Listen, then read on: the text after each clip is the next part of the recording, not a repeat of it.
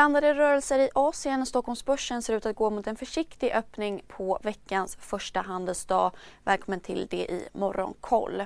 Vi börjar i Sverige där nischbanken TF Bank precis släppt kvartalsrapport.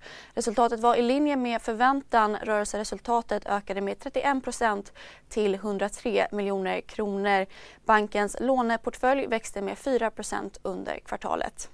Så Asien där Tokyobörsen lyfter närmare 1 allt eftersom den japanska yenen försvagats mot dollarn vilket gynnar exportföretag.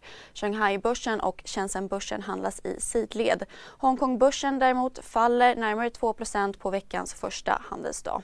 Framförallt kinesiska techjättar tittar tappar på Kinas besked förra veckan om att förbjuda vissa online-spel. Tencent faller 2,5 och Alibaba är ner 3,5% Kinas industriproduktion ökade mer än väntat med 5% i mars. Väntat var en ökning om 4,5% Igår kom även BNP-statistik från Kina som visade på en starkare tillväxt än väntat i det första kvartalet men även på en inbromsning i mars. Kinesiska myndigheter meddelade därefter efter att de sätter in nya stödåtgärder mot företag och hushåll som drabbats av nedstängningarna. Och I fredags sänkte Kinas centralbank bankernas reservkrav för att öka likviditeten. Hej, Synoptik här. Så här års är det extra viktigt att du skyddar dina ögon mot solens skadliga strålar. Därför får du just nu 50% på ett par solglasögon i din styrka när du köper glasögon hos oss på Synoptik. Boka tid och läs mer på synoptik.se. Välkommen! Världsbanken har sänkt sin globala BNP-prognos till 3,2% i år från 4,1% delvis på grund av Rysslands invasion av Ukraina.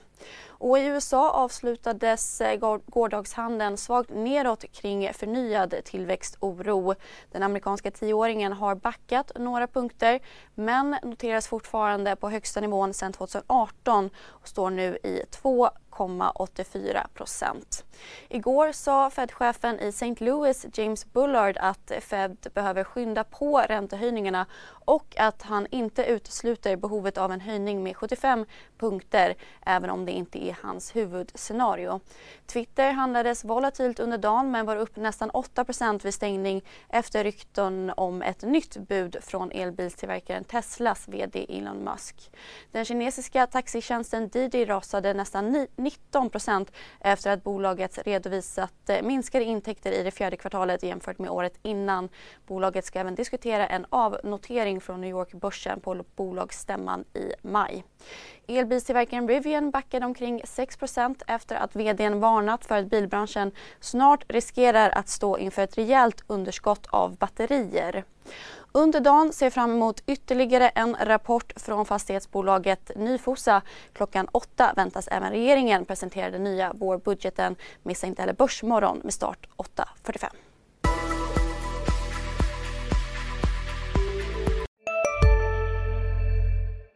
CSRD, ännu en förkortning som väcker känslor hos företagare. Men lugn, våra rådgivare här på PWC har koll på det som din verksamhet berörs av. Från hållbarhetslösningar och nya regelverk till affärsutveckling och ansvarsfulla AI-strategier. Välkommen till PWC. Om en yogamatta är på väg till dig, som gör att du för första gången hittar ditt inre lugn och gör dig befordrad på jobbet men du tackar nej för du drivs inte längre av prestation. Då finns det flera smarta sätt att beställa hem din yogamatta på. Som till våra paketboxar till exempel. Hälsningar Postnord.